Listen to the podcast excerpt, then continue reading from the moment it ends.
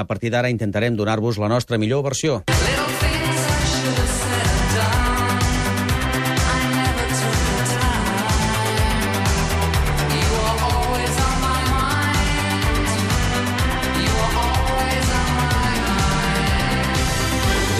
Always on my mind, com sentiu, una versió del duet britànic Pet Shop Boys, que els oients de la BBC han considerat com la millor versió de la història. I és que la cadena britànica ha publicat una llista amb les 50 millors versions de la història que encapçala aquesta cançó originàriament interpretada per Brenda Lee i que després Elvis Presley va popularitzar. A la mateixa llista hi trobem Heart, de Johnny Cash, en segon lloc, el Welcome By de The Stranglers, en tercera posició, seguides de All Along the Watchtower de Dylan per Jimi Hendrix o l'Aleluia de Leonard Cohen, interpretada per Jeff Buckley.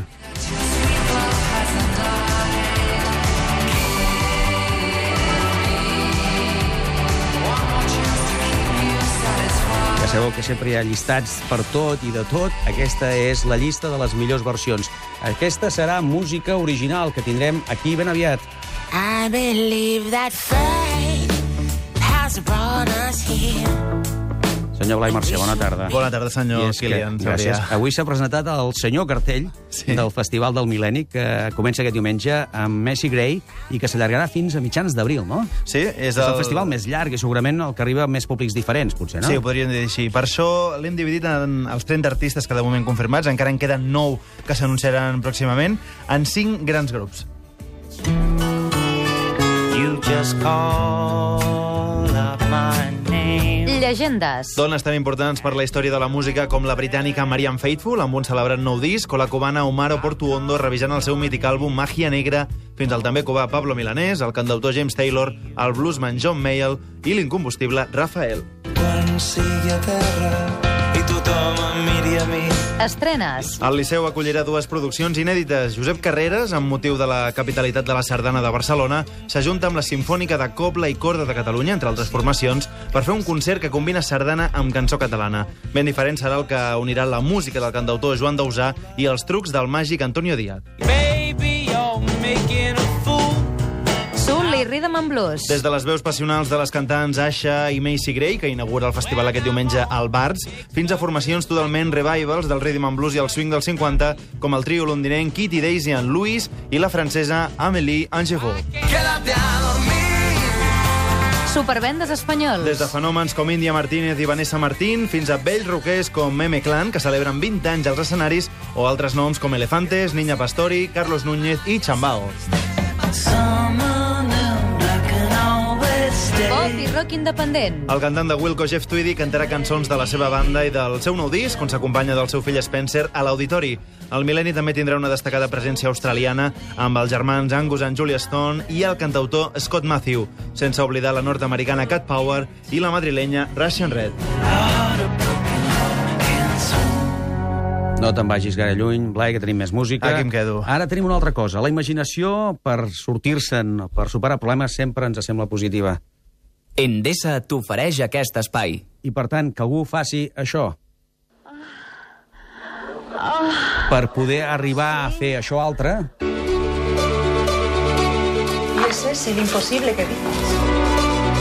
demostra imaginació. És una companyia de teatre que modifica els seus estatuts i canvia el teatre per les revistes porno. Qui ho ha fet, això, Pep?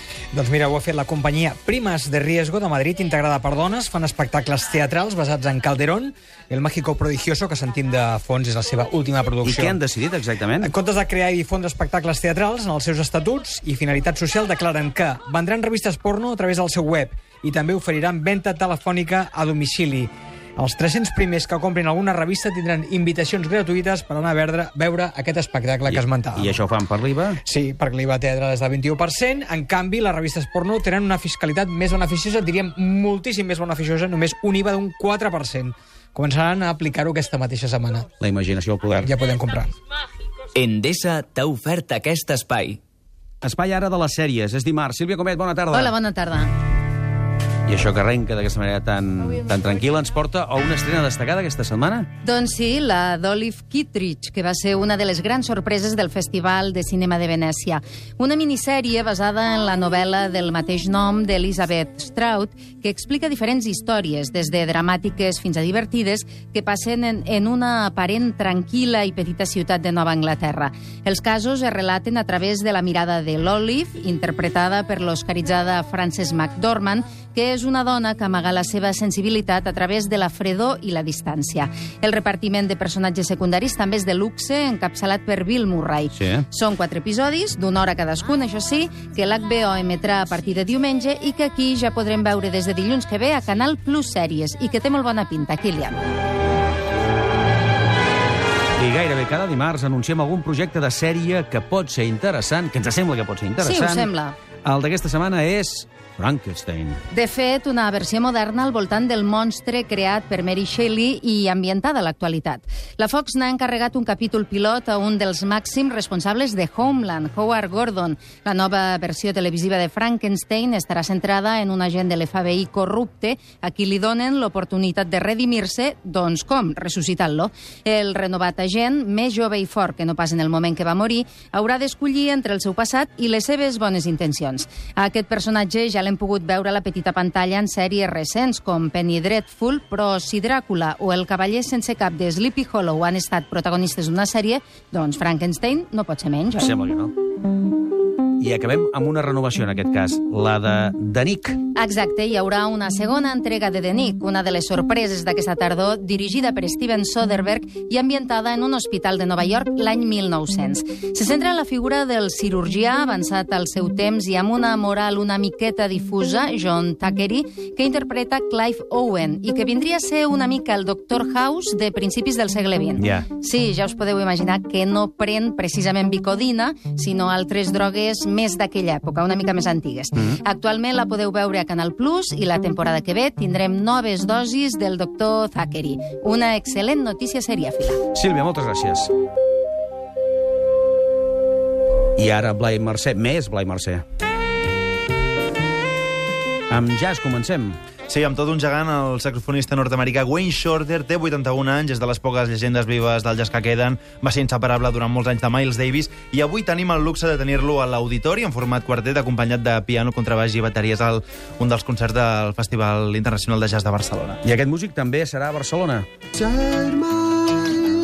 De fet, és a Barcelona, però abans ha passat pels estudis d'ICAT.cat. Sí, fa només una hora ha passat per, per aquí els estudis, pel Cabaret Elèctric, el programa. S'emetrà, ha fet una actuació i una entrevista que s'emetrà demà, i avui als cinemes Aribau hi presenta un documental, és Groove Race, del, del grup Super Fury Animals, un documental que ell codirigeix i protagonitza, on busca el rastre d'un avantpassat seu, John Evans, que va abandonar Gales l'any 1792 per anar a buscar una tribu d'indis que parlaven galès. Una tribu d'indis que parlaven galès. Sí, en aquesta cançó que sentim, ell, ell de fet canta en galès. Canta en anglès. Uh, canta en, En galès, en galès. sí. Uh, última.